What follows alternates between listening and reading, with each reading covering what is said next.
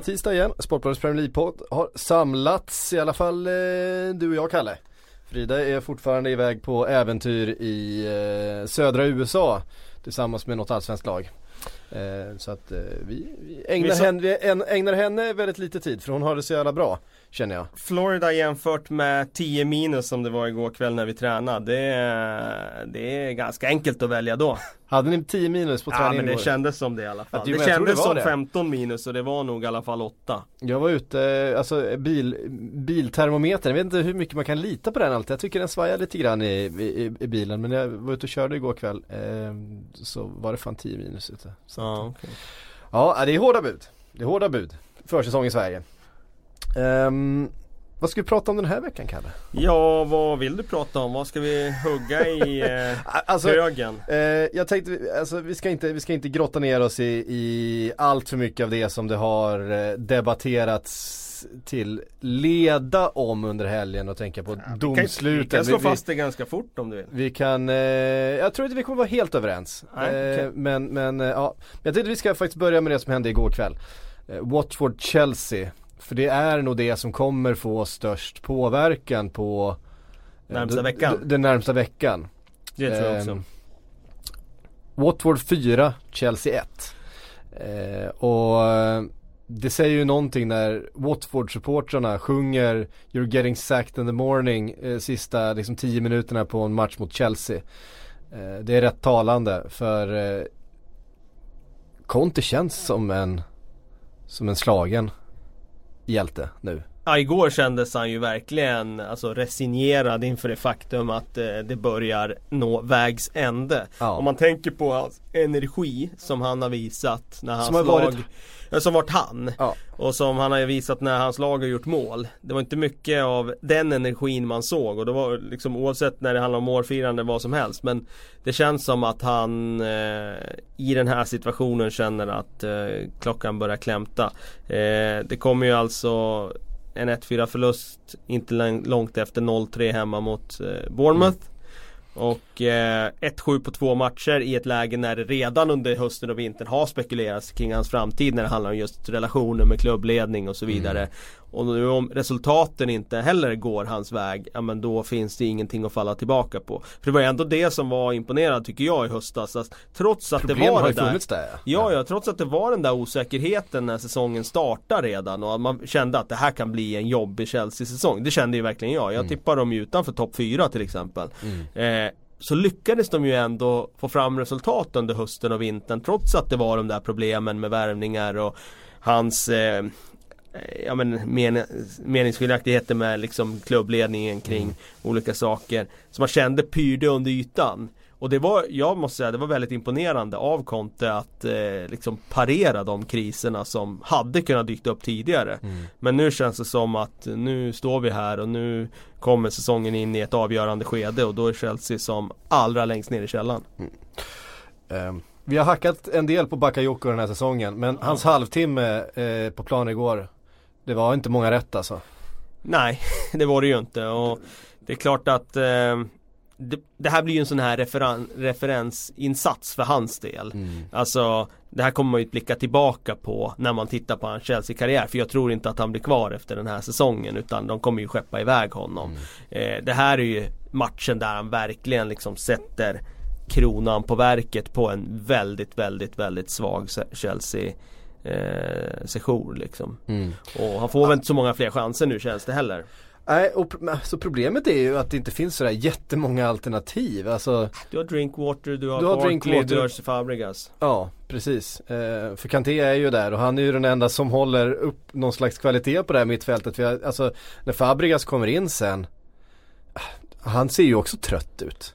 Han ser också färdig ut på något sätt. Alltså jag tycker det finns så, han, han kan slå eh, några fina bollar, han kan fördela fint eh, emellanåt men han, han tar ju inte jobbet, han tillför ju ingen energi. Alltså, om det är någonting med Bakayoko så är det i alla fall, han, han försöker i alla fall. Även om det blev fel i varenda situation han var i närheten av igår. Så försöker han i alla fall. Han är ju där, han, han springer och han kämpar och han sliter. Ehm, men kvaliteten finns ju inte där och han slår ju bort så mycket bollar, alltså före han tar de här två gula korten. Så slår han ju bort så mycket bollar och håller på att spela fram Eh, först Richarlison tror jag.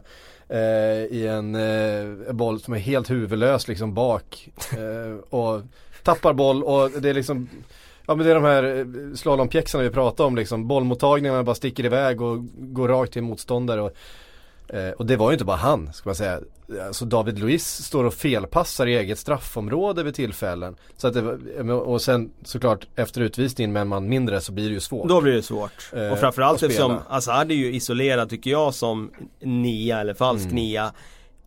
Utan att de har fått en man utvisad. Men man utvisade, men då blir det ju ännu mer liksom malplacerat att ha han där framme. Mm. Eh, så, men jag, alltså, det faller till, till slut faller det tillbaka på Conte ändå för jag tycker att den här säsongen, förra säsongen var ju han föregångare med 3-4-3, han satte mm. liksom en trend Som Watford spelade igår Ja precis och som, som många lag i Premier League har tagit efter och som har gjort exakt samma sak. Mm. Men han har ju inte utvecklat Chelsea-spel. Om man tittar på City, ja men de har ju gått ifrån trebackslinjen nu, gått tillbaka till fyrbackslinje och hittat ett sätt som de har liksom eh, hittat nycklar för att låsa upp motståndarnas trebackslinje. Men Conte är ju kvar i förra säsongen och det tycker jag är ett problem eftersom de blir rätt baktunga. Det funkar inte den här säsongen och Hazard, jag gillar inte när han är falsk nia. Han är ju fortfarande bra för han har ju sån kvalitet som han har. Målet han gör är helt okej. Okay. Ja det är helt okej okay. och han kan göra liksom individuella prestationer här och där som ja. är wow. Men jag tycker att han antingen ska vara släpande eller så ska han utgå från kanten. Mm. Alltså någon av de två positionerna. Jag tycker inte han ska vara den där som utgår längst fram för att jag tycker att laget blir sämre av det. Mm. Han behövs i, i, i kombinationsspelet ja, där. Ja. För att det, han är ju den enda som som har den absolut högsta kvaliteten i sina fötter. För Fabregas har inte det längre. Och inte de andra mittfältarna heller. Eh, så att han behövs vara mycket mer delaktig i spelet. Och man såg de få gångerna som han var delaktig i spelet, som han hamnade i en position, ja men då hände det ju ja. saker. Och till slut så tog han tag i det själv och det stod ju faktiskt 1-1 med bara 10 minuter kvar att spela. Ja ännu mindre, 5 minuter kvar att spela. Ja, 84 tror jag de gjorde målen. Innan eh, Jan Matt får... Ja, alltså, han får snabbt.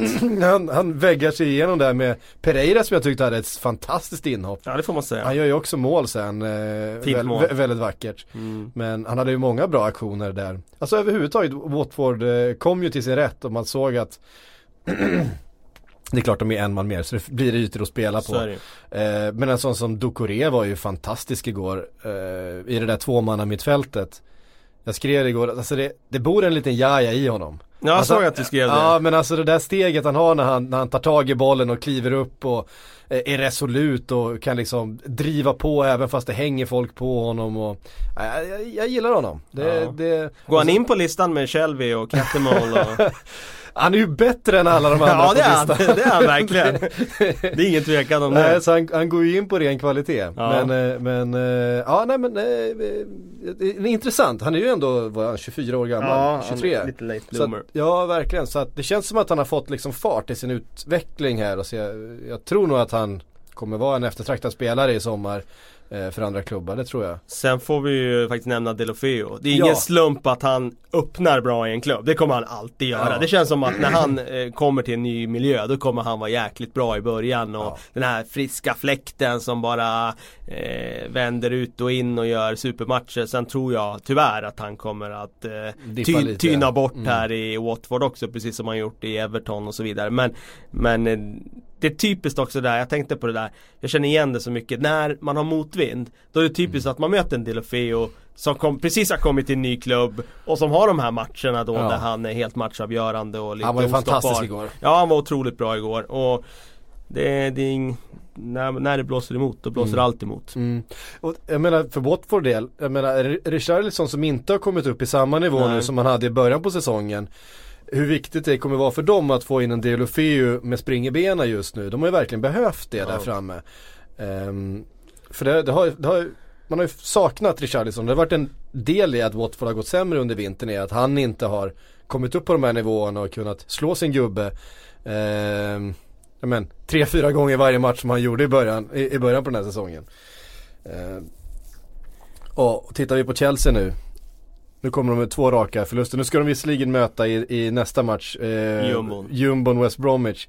Men sen Manchester United borta Barcelona i Champions League och sen Manchester City Ja, på, ett, på ett snöre. Ja det är, det är, Alltså här kan, det är ett tungt snöre. här kan säsongen faktiskt springa ifrån dem lite grann om de inte Alltså att de måste ta tre poäng mot West Bromwich Ja det är vi överens om. Det är vi ganska överens om, det kommer de väl förmodligen göra också eh, Men jag menar, de hade ju behövt ha de här poängen med sig också för att eh, Mycket möjligt att de förlorar båda eh, mötena med Manchesterlagen Det är framförallt i ett sånt här skede där det är väldigt, väldigt oklart Med Eh, saker och ting ja. Mm, absolut. och sen ska man dessutom då försöka göra någonting mot ett Barcelona som ju är bra. Eh, såklart i, i Champions League. Eh, mm. Ja, jag jag är väldigt intressant skede för, för, för Chelsea just Ja. nu. Eh, som sagt. Eh, jag tror att de kommer få kriga jäkligt hårt för den där fjärde platsen alltså. Mm. De, de har överträffat mina förväntningar den här säsongen om man tittar på hösten att de var så stabila som de var. Mm. Men eh, det är så pass jämnt i tabellen så kring de här platserna så att eh, det, det känns som att ehm, Ja, det, det kanske till och med så om man tittar på de andra klubbarna i Premier League som har bytt tränare. Om man tittar på hela stämningen runt Chelsea att eh, Conte skickar lite sådär där eh, pikar uppåt i Alltså verbala pikar. Ehm, det kanske är så att det behövs ett tränarbyte för att, alltså att en Gus Hiddink-figur kommer in. Inte just, inte just Hiddink men eh, Varför inte just Hiddink? för 84 gången. ja, precis. Men, eh, men du förstår vad jag menar. Alltså det kommer in en som kan rädda den här säsongen. Ja. Jag vet inte. Jag, är, jag tycker Antonio Conte är en av världens bästa tränare. Mm. Det kommer jag tycka fortfarande. Oavsett om han får sparken här så kommer jag Ja. tycka, i min bok är han fortfarande det. Ja. Men Jag skulle nästan säga att det han klarade av att prestera under de här förutsättningarna och med, med det stöket som har varit och den otroligt oklara strukturen ovanför honom. ehm, så har han ju ändå gjort det väldigt bra den här säsongen. De är ju med där uppe. Ehm, Så att, ja. ja vi får se. Det, Jag tror att eh, han är inne på sista versen. Mm. Eh, blir också tydligt hur viktig eh, Christensen är i backlinjen Ja, för dem. Och eh, det såg man ju inte heller, alltså i, i somras. Eh, för jag menar en, en David Luiz som skulle komma in nu och göra ja, Få chansen igen då efter att ha varit ute så länge. Han hade ju också en katastrofal match Mm. eh, igår. Eh, det var ju oerhört passivt vid, vid 2-1 när Janmat spelade sig igenom. Eh, och även liksom på eh, Delofeus eh, 3-1 mål så var det ju passivt bara helt Mm. enkelt. Absolut. Och konkurrenterna om den där fjärdeplatsen de möttes i söndags Liverpool och Tottenham. Eh, Det är ju två lag som ser bättre ut än Chelsea just nu får man säga. Så att, och det är ju oerhört jämnt. Det är ju bara eh, de är på ett snöre där va, 49 poäng på Tottenham. Jag kommer inte ihåg exakt hur tabellen ser ut men jag vet att det är väldigt tajt. Jag kan kolla Fem- snabbt här. 49 på Tottenham, 50 på Chelsea och 51 på Liverpool tror jag. Eh, Så det är oerhört jämnt. Ja. Men då med Chelsea med den här tunga, tunga perioden som, som eh, kommer nu då i, i februari-mars. Ehm, så att, eh, ja, vi får se vad som händer. Men matchen i söndags på Anfield blev ju eh, sådär som man hade förväntat sig, sprakande mellan de här två lagen. Eh, På Wembley så eh, blev det avgjort, avgjort ganska snabbt. Eh, Hade Liverpool kanske sin, sin sämsta dag på hela den här säsongen. Tottenham har haft svårt på Anfield men eh, här fick man en halvlek var kan man säga. Eh, Mm. Liverpool var bättre i första, Tottenham var klart bättre i andra. Mm. Eh, och såklart några situationer att titta lite närmare på får vi göra. Vi kan väl börja med bara målen. Mm. Wanyamas vrist. Ja. Den går inte av för Hackerud. Nej den, det är en sån där träff man får en gång i livet. Jag tror just i hans fall så är det en gång i livet till och med. Ja, det är hans, det är hans enda mål den här säsongen. Ja, och han kommer aldrig få den där igen. För han är inte den typen av spelare heller. Men det är klart, lägger han alla, alla de där kilorna han Mm. har på en enda vristträff, då kan det ju bli det där resultatet. Ja. Ja, det är en otrolig... Det är ändå inte en helt full sving utan han, han, det, är en ganska, det är en ganska långsam pendelrörelse känns det som i benet. Jag har tittat på den så många gånger. Men att han träffar verkligen sweet spot så jävla exakt som man bara kan. Ja. Och då drar den ju bara, framförallt när bollen kommer emot den också. Då blir det ju liksom en, en dubbel effekt. Ja, men Eh. Den stiger ju fortfarande när den, när den tar bak. Ja, ja, ja, absolut. Den hade nog stigit fortfarande idag när vi spelar in den här podden om det inte mål hade stått där. Bara den effekten också att den tar upp i, i struten så att den studsar ut igen. Ja. Det, det, blir, extra snyggt. Det blir extra snyggt då. Det är, det är som så- eh, är målvakten på den bara med fingertopparna så tar det bort väldigt mycket av ett sånt mål. Då, alltså då är det ju det, det är i alla fall 50% av ett sånt mål han var, som ganska, försvinner. han var ganska chanslös på ganska det. chanslös. Eh, och Mohamed Salahs eh, 2-1 mål.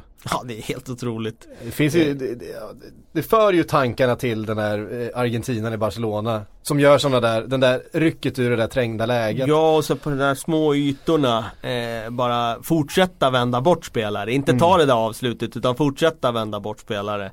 Ja, det är otroligt vilket självförtroende han har och vad bra mm. han är. Och vilket genombrott det är vi ser på den mm. stora scenen, alltså den största av scener den här säsongen. Det är ju upp på nivån nu där Hazard är och mm. där, där de andra är. Där de har varit ett tag, De Bruyne mm. och så vidare. De här som är precis bakom de två stora. Mm.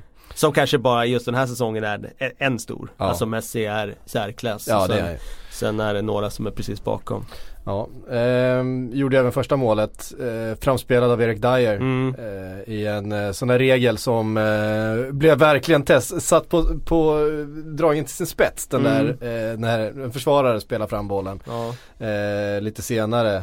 Men det är hans 27 mål den här säsongen. Ja, det är otroligt bra. Mohamed Salah. Jag såg att han hade, han hade bättre målsnitt per spelad minut än vad Ronaldo hade 07-08 i United. Mm. Alltså han gör mål. Ja, det, var, det var precis, från, hög, från högerkanten Det var ju bara någon decimal bättre ja, men ändå så var det ändå eh, Ronaldo uppgick från vänster det, det året då. Gjorde han det? Ja, det kanske han gjorde. Mm. Han började United Man tänker, höger, man tänker honom alltid som, som, som, från, från höger. Ja nej, han började från höger men så flyttade han över till vänster och eh, den säsongen var han till vänster. Men eh, oavsett så är det ju fantastiska siffror. Hoppas han håller i det här nu så att det kan bli de här Alltså eh, extrema siffrorna. Mm.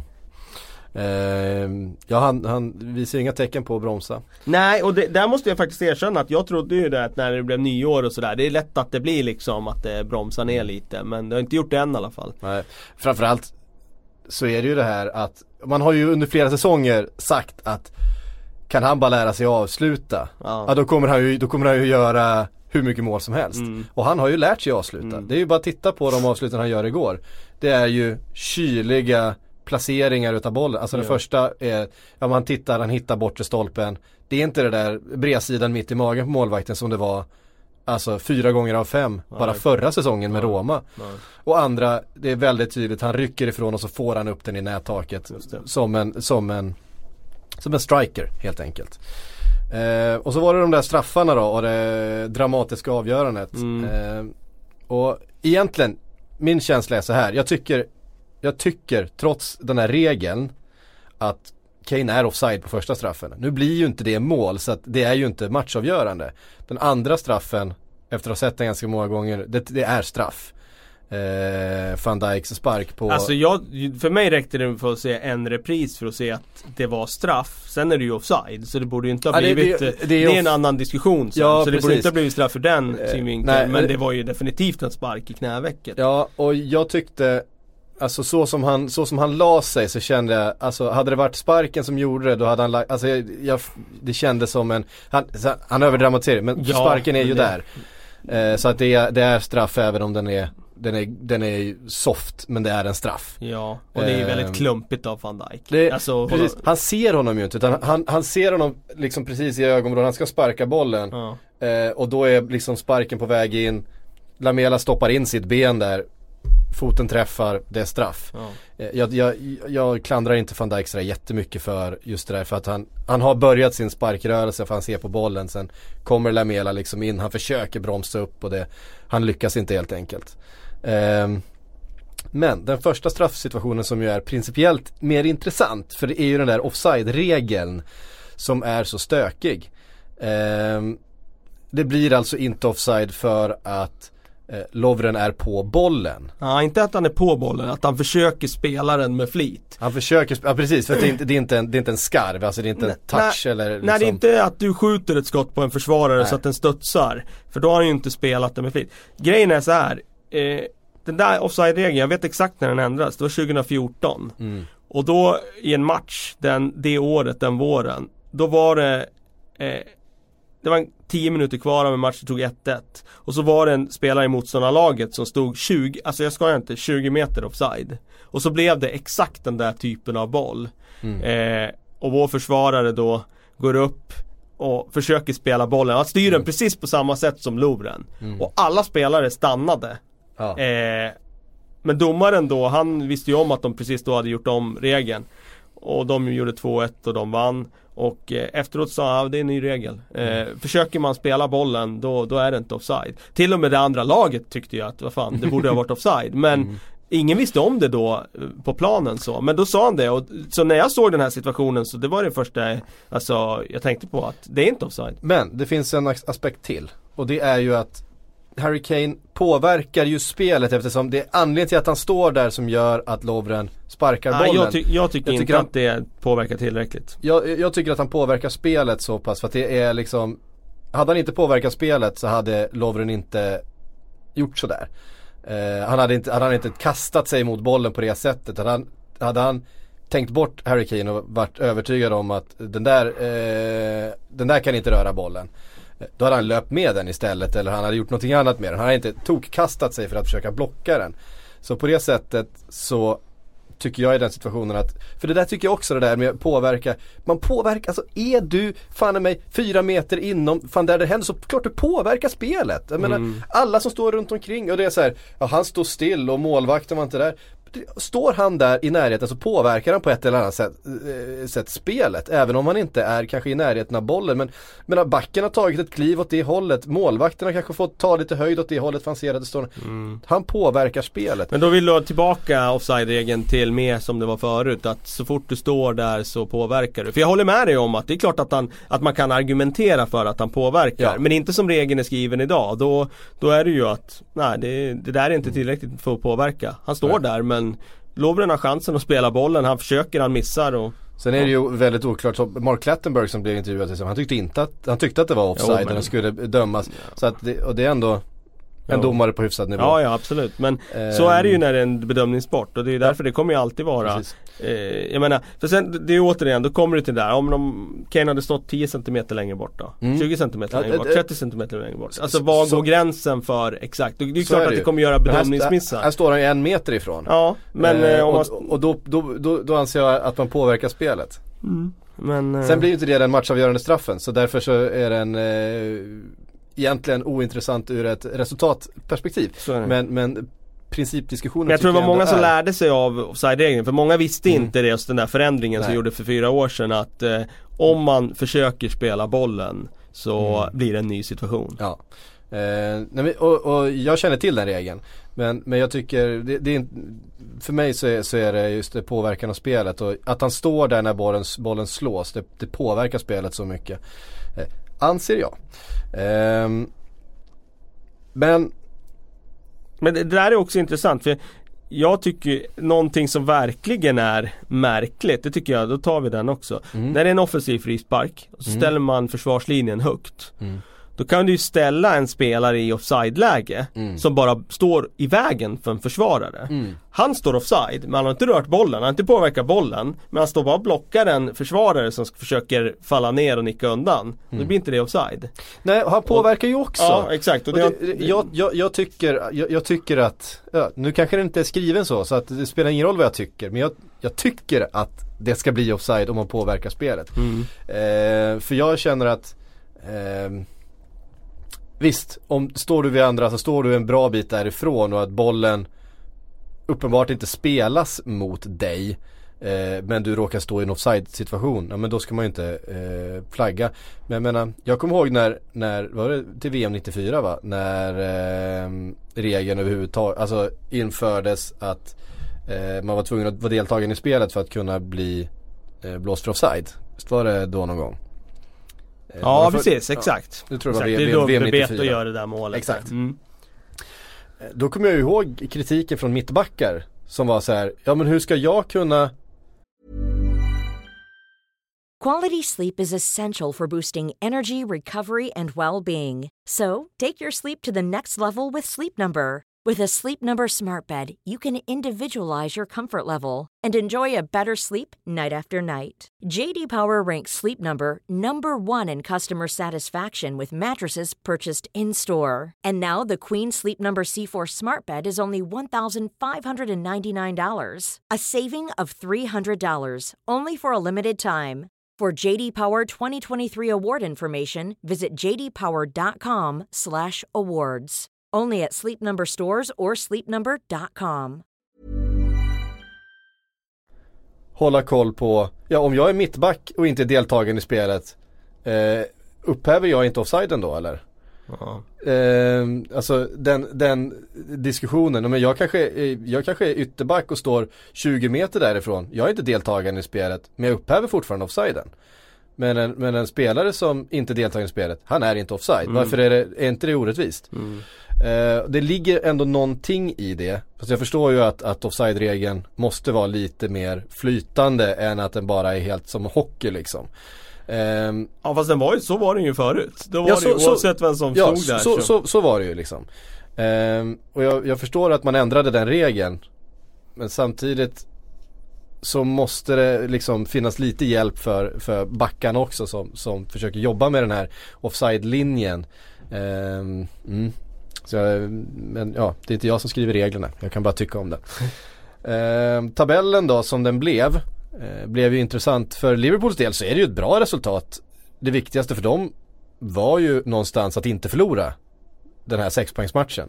Eh, utan försöka behålla sitt försprång. Nu har ju Liverpool ett ganska gynnsamt schema kvar eh, utav eh, tabellen. Man har väl bara eh, ja, man ska till Manchester City, eller man ska borta mot Manchester United och sen så har man eh, Chelsea hemma tror jag. De enda topp 6-lagen kvar att spela. Sen tror jag man har i stort sett bara undre halvan. Ehm, ja, jag är inte helt klar men jag tror att det är åtta av de kvarvarande matcherna är från undre halvan som är kvar på säsongen. Det är inte alltid nödvändigtvis någonting bra för just Liverpool men på pappret så ser det ju gynnsamt ut.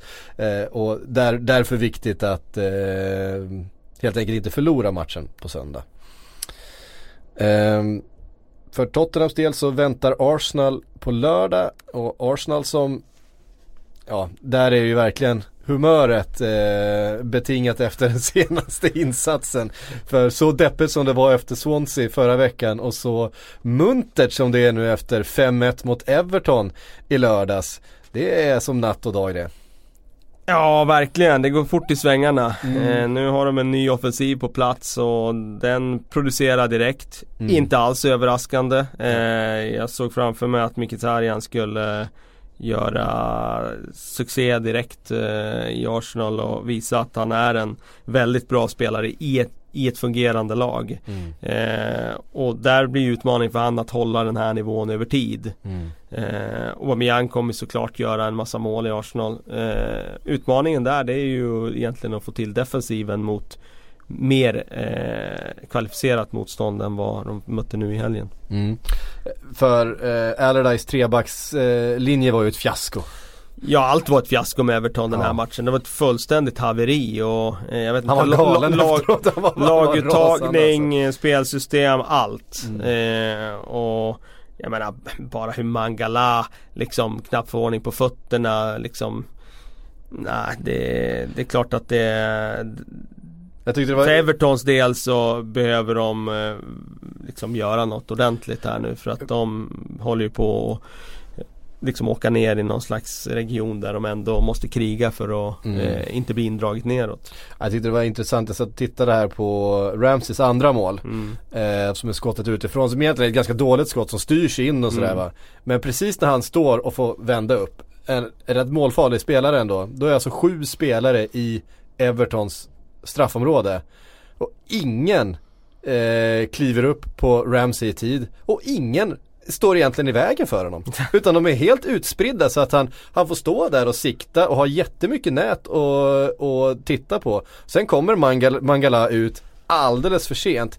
Vilket gör att då istället bollen eh, styrs in. Alltså maken till hönsgård alltså. Ja, i, det, i, och det är lite förvånande också med Sam Allardyce lag. Alltså Ja. det har ändå varit eh, kännetecknande att det är ett eh, välorganiserat eh, lag och liksom Hörde du Därför- hans kommentarer efteråt? Nej jag har inte missat dem. Uh, det var så roligt, han, han var ju helt, han var helt rasande efteråt. Han sa det här, jag är inte, jag är inte besviken, jag är förbannad sa han. Eh, allting vi pratat om inför den här matchen, det var som att jag hade pratat ett annat språk liksom. Ingenting verkar ha fastnat. Eh, ja, han var, han, han, han, var, han var rasande helt enkelt på, på sina spelare och det ehm, Det blir nog konsekvenser för nästa laguttagning, det tror jag. det brukar inte vara sådär eh, jättekul att ha en rasande Sam Allardyce efter sig eh, som spelare. Det är vad man har fått höra i alla fall att han eh, eh, brukar, brukar eh, vara, vara en jobbig tränare i, i motgång men då får han också igång spelarna. Eh, han har en, en vass piska. Aubameyang gjorde det Aubameyang gör. Han löpte sig fri. Visserligen var han offside ska sägas eh, på sitt mål. Men eh, avslutet är, eh, är ju klass. Det är klass. Eh, lilla chippen och hattrick för Ramsey. Ja, bara en sån sak. Börjat löpa in i straffområdet igen. Ja, och det där är ju, alltså det där är ju Ramsey och det där måste ju Arsenal planera för För att ha Ramsey, för han Mm. kommer alltid eh, följa med in i boxen.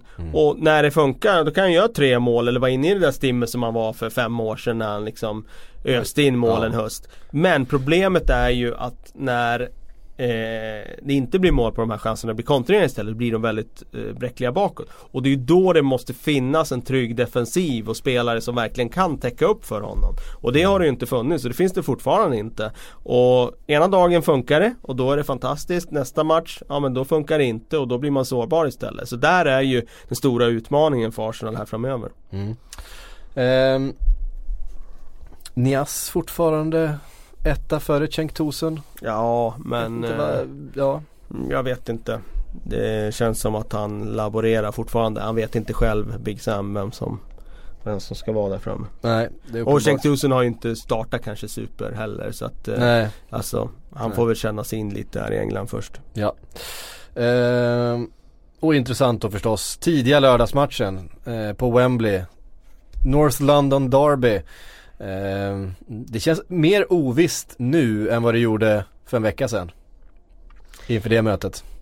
Ja verkligen. Eh, Alltså jag tror jag tjatat om det tidigare på den men Arsenal känns ju mycket starkare nu än vad de gjorde innan Mm. i januari. Verkligen. Alltså Sanchez ut, spelare som inte hade huvudet där i, eh, på Emirates. Och sen få in Aubameyang och Mkhitaryan. Så nej, jag tror att nu har de, de har förbättrat sina chanser Mm. i januarifönstret att faktiskt klara en topp 4 placering. Eller i alla fall hota om en topp 4 placering. De är ju några poäng efter. Jag tror fortfarande inte de tar den men eh, de har i alla fall eh, förbättrat sina chanser att eh, ge dem en kamp. Mm.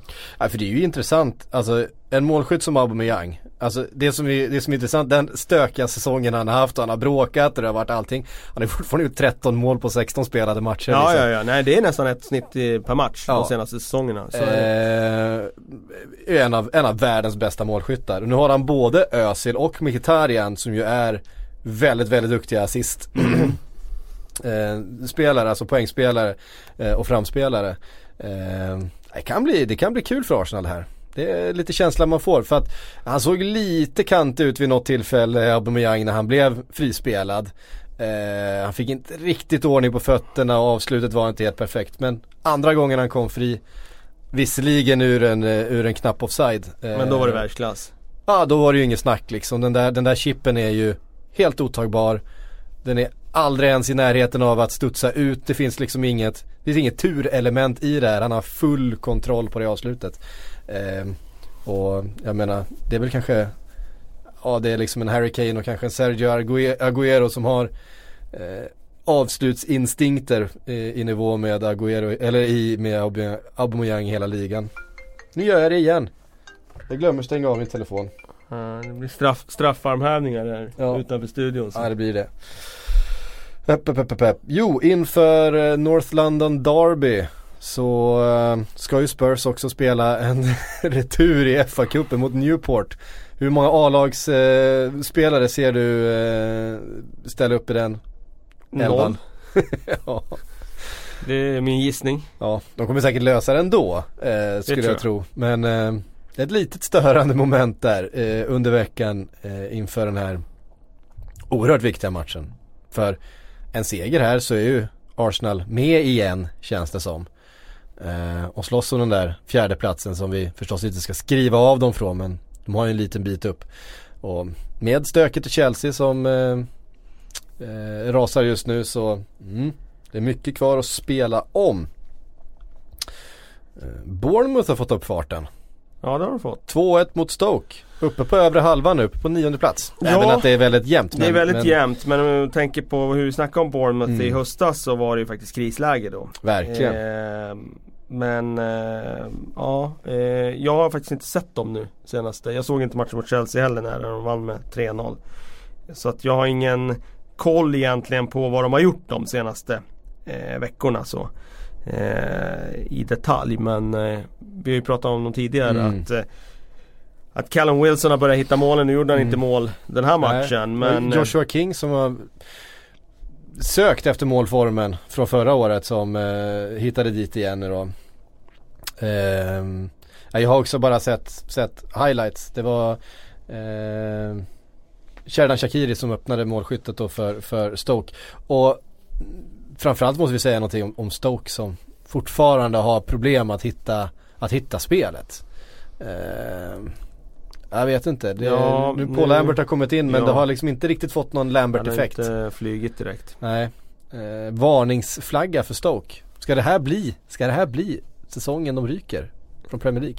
Ja, kan bli. Eh, det kan mycket väl bli det. Ehm, man tycker att det finns plankor där nere men sen när Mm. plankorna eh, Bournemouth kändes ju som en av de där Ja, plankorna fall. under en Ja, säsong. ett tag kanske. Men om man tittar på Stoke och Bournemouths startelva så är ju Stoke mer meriterad och bättre på pappret. Jag tycker inte Absolut. Bournemouths startelva ser imponerande ut alls men de har ett väldigt bra kollektiv. Mm. Och eh, Dessutom spelare vars form är stigande. Om Mm. tänker på Wilson, på Ibe. Eh, tänker på Ja, de- Ake tycker jag börjar säsongen lite sådär. Mm. Jag tycker att han är bättre nu. Gjorde ju mål mot Chelsea. Jag tycker Eh, även till centralt, ja Fraser och Daniels har liksom Mm. acklimatiserat sig till wingback-roller på ett bra sätt. Mm. Nej, de, de eh, stigande form på Mm. Bournemouth och det, sånt blir ju jätteavgörande nu när man kommer in i helt den här perioden som verkligen kommer att avgöra bottenstriden. Mm. Det känns som ett offensivt lag, eh, Bournemouth igen. Efter Grundidén är ju offensiv. Efter, efter att eh, Eh, det känns som att Eddie Howe laborerade lite mycket. Han fick liksom inte, han fick liksom inte någon vidare balans på laget där under den. Så känns det som att de igen har hittat det där som vi förknippar rätt mycket med Eddie Howes filosofi med ett eh, passningsorienterat offensivt eh, liksom pikt lag. Um, det kan man kanske inte säga om West Bromwich även om de har fått in eh, Daniel Sturridge som försöker där framme eh, så blev det en ny förlust för tabelljumbon. Um, Pardew skulle komma in och få igång det där spelet på mitten igen att det blev ett spelande fotbollslag igen och det har han väl till viss del fått eh, kan jag tycka men resultaten lyser fortfarande med sin frånvaro. Det blev eh, 3-2 till Southampton i helgen efter eh, det blev en ganska dramatisk avslutning. Det var två mål på övertid va? Stod 2-1 till, eh, till Southampton.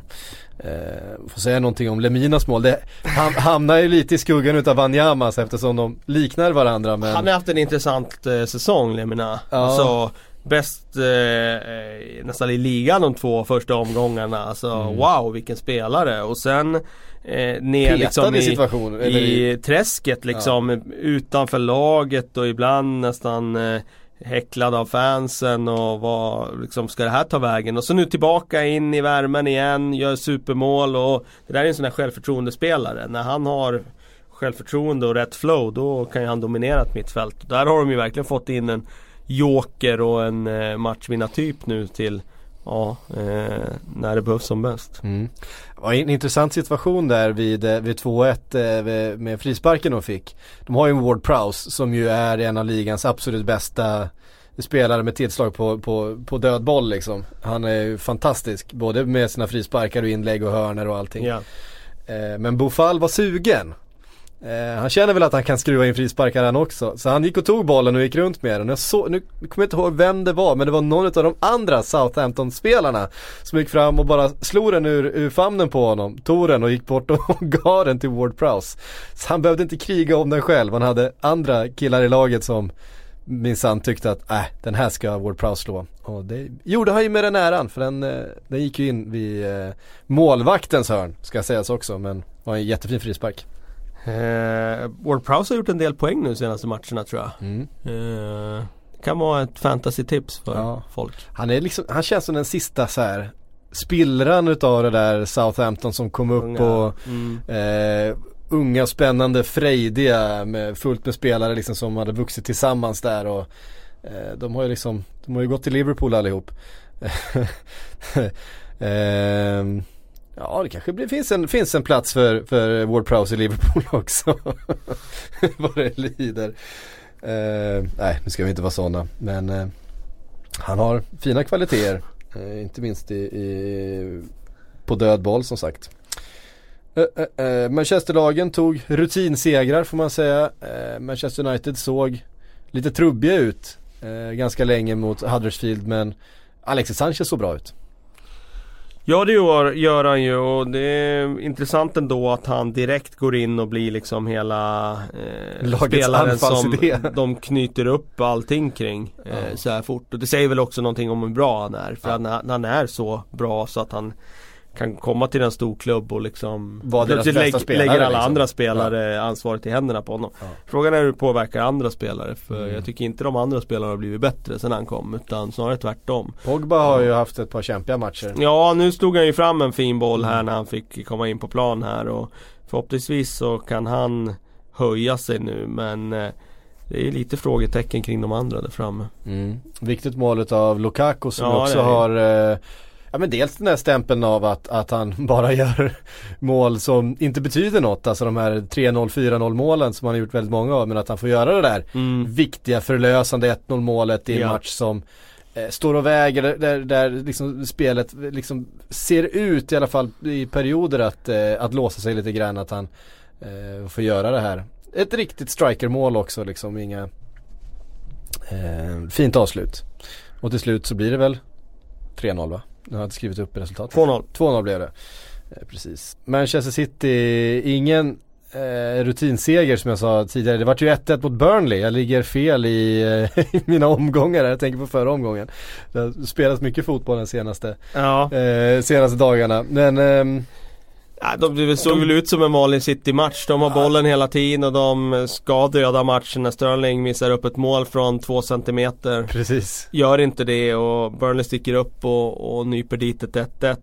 Credit till Burnley som krigar på och Mm. Eh, de kan man ju aldrig räkna bort den här säsongen för de är så eh, Har den där never say die attityden och så vidare men eh, ah, Känns som City slarvar bort det här på eget bevåg Ja lite grann faktiskt och de dominerade ju verkligen eh, match, matchen om man Föga säger så. överraskande Nej det gör ju de, de gör ju det eh, alltid men eh, de känns inte speciellt eh, oroliga över att ha tappat ett par poäng mot, mot Burnley. Det- Den där ledningen i toppen känns eh, fortfarande helt ohotad ju.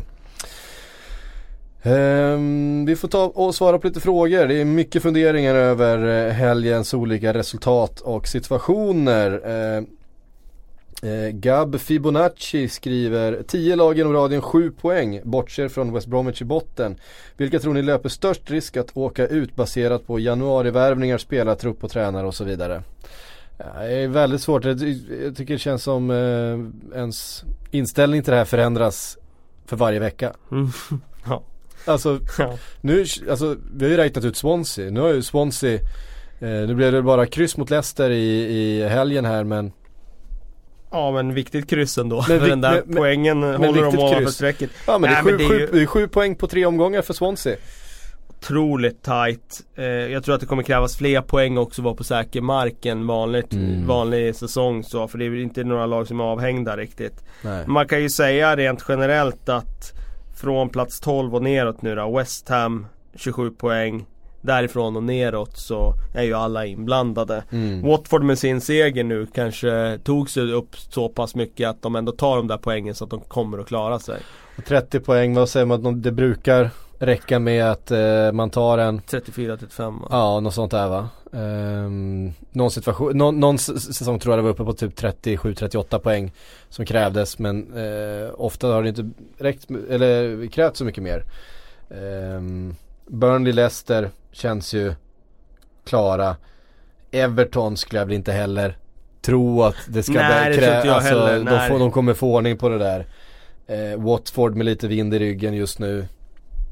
De kommer också klara det. Men som Ja. sagt West Ham och neråt, där är det ju krig och där Mm. eh, Alla de där lagen är inblandade. Jag vågar inte svara på. Nu är ju Wilfred Zaha borta här, skrevs det ju i tidningen i, Mm. idag. Eh, det- spekuleras i två månader. Och det skulle ju kunna kosta Crystal Palace kontraktet i praktiken. Verkligen. Eh, sen får vi se om det stämmer. Eh, Mm. det kanske, han kanske är tillbaka tidigare. Nej för man, eh, som sagt om man skriver bort West Bromwich där som ligger på 20 poäng. Vilket känns som för lite för att, eh, jag tror inte de skrapar ihop en 14-15 poäng på de eh, 12 omgångarna som är kvar. Nej. Jag, jag har svårt att se det faktiskt. Eh, då är det ju Huddersfield, eh, Stoke, Swansea, Newcastle. Alltså, det känns också som Southampton har spelet i sig för att, för att lösa det till slut. Mm. Eh, även att det kommer knacka hela vägen fram så tror jag inte. De, har de varit under, under strecket någonting den här säsongen? Möjligtvis Ja, när- precis i början. Annars känns det som att de hela tiden har liksom hankat sig vidare. Men varningsflagga som sagt för Stoke. Eh, känns oharmoniskt eh, i det där laget. Swansea, Crystal Palace som sagt.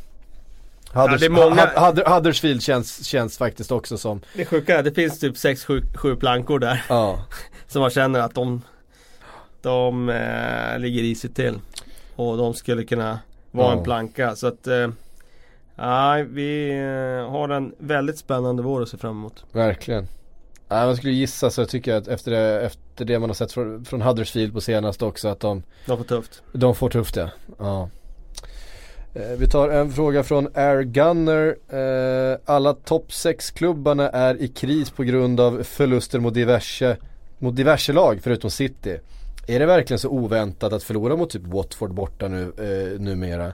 Att Arsenal har en säker bortaseger eh, då känns som kvarlevor från 00-talet. Undre lagen är bättre nu. Underlagen är ju mycket bättre, det är ju ingen tvekan om det. De kan ju värva spelare på sätt som de inte kunde göra förut. Samtidigt består ju den där liksom skillnaden upp till topp 6. Eh, jag såg någon statistik där att den här säsongen varit extrem. Det här var fram till för tre veckor sedan ungefär. Då hade det spelats 73 matcher mellan topp 6-lagen och eh, de som var utanför topp 6. Och det var väldigt liten andel där de hade förlorat. Mm. Väldigt liten andel i den här säsongen. Det var bara några, ett fåtal. Mm. Och det säger väl ändå någonting om att man räknar fortfarande med att topp 6-laget ska vinna.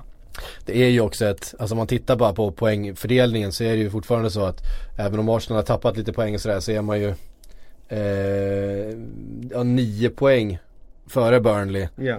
Eh, Burnley som har gjort en kanonsäsong på alla sätt och vis och var med länge där uppe. Men jag menar, även om man tycker att ah, Arsenal har tappat mycket enkla poäng och så vidare så är det ändå ett väldigt stort hack däremellan. Eh, Topp 6 och de övriga. Eh, Edvin Iversen skriver hur värdelös på en skala 1 till 10 är Chelseas styrelse och transfer policy. Köper in odugliga spelare istället för att satsa på talanger och köpa spelare som faktiskt kommer göra skillnad. Vilka värvningar de senaste åren har faktiskt varit lyckade. Likt Hazard och Costa. Nu är det ju ett tag sedan Hazard köptes in men Ja, det, det- var ju en lyckad eh, Det var en värvning. lyckad värvning. Eh, nej, kan, Kanté var en lyckad värvning Ja det var det. eh, för Eh, två säsonger sedan. Nej men det är klart att det symboliseras ju nu av att Bakayoko är så svag centralt Mm. och så har man gett bort en Ruben Loftus-Cheek Mm. Igen då på lån och skulle inte han ha kunnat varit där och spela istället? Kan man ju fundera Ja, över. det, det känns ju som att han hade In- gjort det laget bättre just Ja nu. verkligen. Eh, så det är klart att hur dåliga är de? Ja, det, mycket börjar ju sluta med Roman Abramovic. Vad vill Mm. han ha för struktur för sin klubb? Alltså hade han placerat dit en stark sportchef som han hade eh, liksom delegerat ansvar till att du får sköta det här. Ja men då hade det tror jag sett helt annorlunda ut. Mm. Alltså om de hade fått dit en riktigt, riktigt bra sportchef som hade jobbat tight med, med managern och de hade fått ratta det. Då tror jag att det hade sett helt annorlunda ut. Det kommer ju mycket, mycket rykten och mycket viskningar in för att det pågår liksom en maktkamp som har rasat nu under många år ju. Eh, där det handlar väldigt mycket om vem som, vem som är närmast Roman.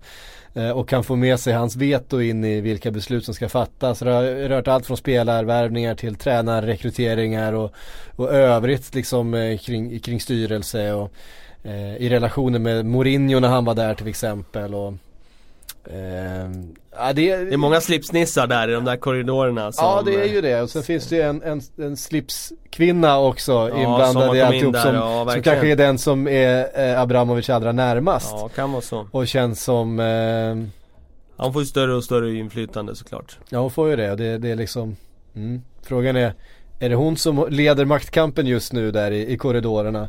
Eh, ja det, det är oklart i alla fall och det det är ingen kul situation att komma in i, tänker jag, som manager eller tränare. Eh, det är, jag menar, säg att man ska stoppa in en Diego Simeone där.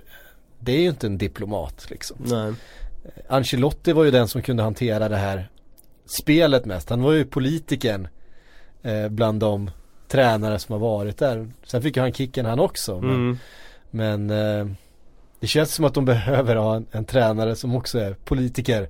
Som kan klara av de här eh, diplomatiska eh, svängningarna och, och, och eh, det spelet som pågår i, i klubbtoppen där. Mm. Så det ska bli intressant att se vem som faktiskt kommer in. Eh, för någon lär det ju bli. Mm. Eh, Christian Dahlström eh, skriver Juventus har vunnit sin senaste tio matcherna och bara släppt in ett enda mål. Vad tror ni om Tottenhams chanser i Champions League på tisdag? Alltså Juventus eh, tror man ju alltid ska vinna när det är utslagsmatcher och, och så vidare. Samtidigt tycker jag att Tottenham har ju hittat ett spel som funkar i Europa för att knäcka de bästa. Så jag vågar inte ens gissa, den, den känns helt öppen. Tottenham har så hög höjd och de eh, knäckte Real Madrid och de knäckte Dortmund i den där gruppen så att eh, jag tror att det är 50-50 faktiskt. Till och med. Trots att Juventus såklart är smartare, mm. mer meriterat. Eh, betydligt bättre liksom eh, smartness när det handlar om Europaspel. Mm. Um, ja det är, eh, det är ett jättespännande möte ja, förstås. Det är. det är ju, för det är ju ett, det är ett Spurs som kommer från en rätt tuff vecka då De har varit på Anfield nu. Kan vi räkna bort den här fa Cup-returen. Men sen har du North London Derby på lördag. Och sen då ner till Turin. Visst är det, jag tror det är bortamatch, eh, första mötet. Det bör det vara. På, eh, på tisdag redan ju. Så att eh, hektiskt schema och det, det påverkar ju också. Um, ska vi tro att det blir små marginaler som avgör Kalle? ja, vi får se. Um,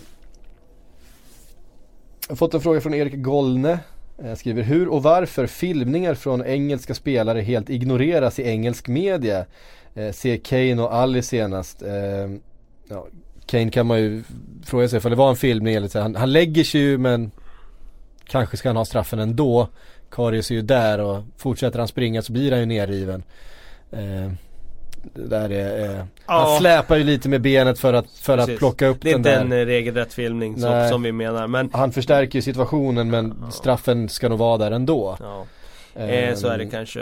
Eh, nej men jag håller med eh, han som skrev där om att jag tycker också engelsk media är lite för eh, enögd när det handlar om dels hur man beskriver engelska spelare och mm. rapporterar mm. om engelska spelare och jämfört med utländska spelare. Jag tycker mm. att det finns en, en diskrepans där. Mm. Ja det är, det är känslan man får verkligen. Ja.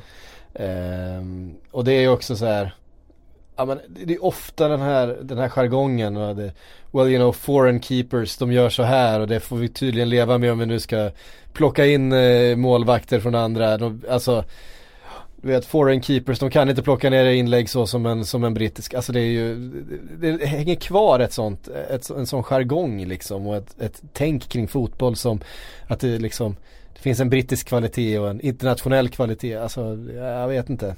Det, det känns inte sådär jättefräscht alla gånger. Eh, Ademir Semanovic undrar, har Kalle som tränare varit med om att en spelare strejkar på plan? Eh, hur, vad har, slash skulle han gjort då? Vad menar du med strejkar på plan? Eh, ja, du får läsa in det som eh, du vill. Jag, jag misstänker att han eh, kanske eh, refererar till eh, Chelseas agerande på, på eh, eh, i Watford i, igår att det var spelare som helt enkelt inte tog jobbet.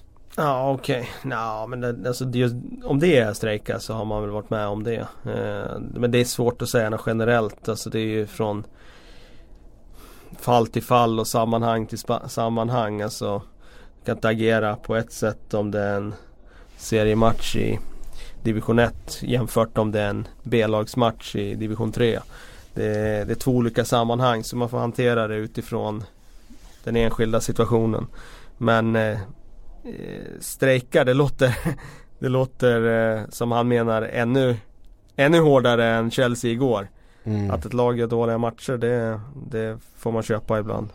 Eller köpa men det, det sker ju för alla lag. Mm.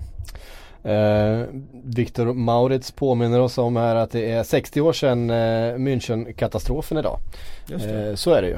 Eh, Flowers of Manchester har man sett pryda eh, både Old Trafford och andra ställen runt om i, i Manchester på, eh, på olika sätt och det är klart att det är en, en oerhört viktig eh, sak att, att fortsätta prata om.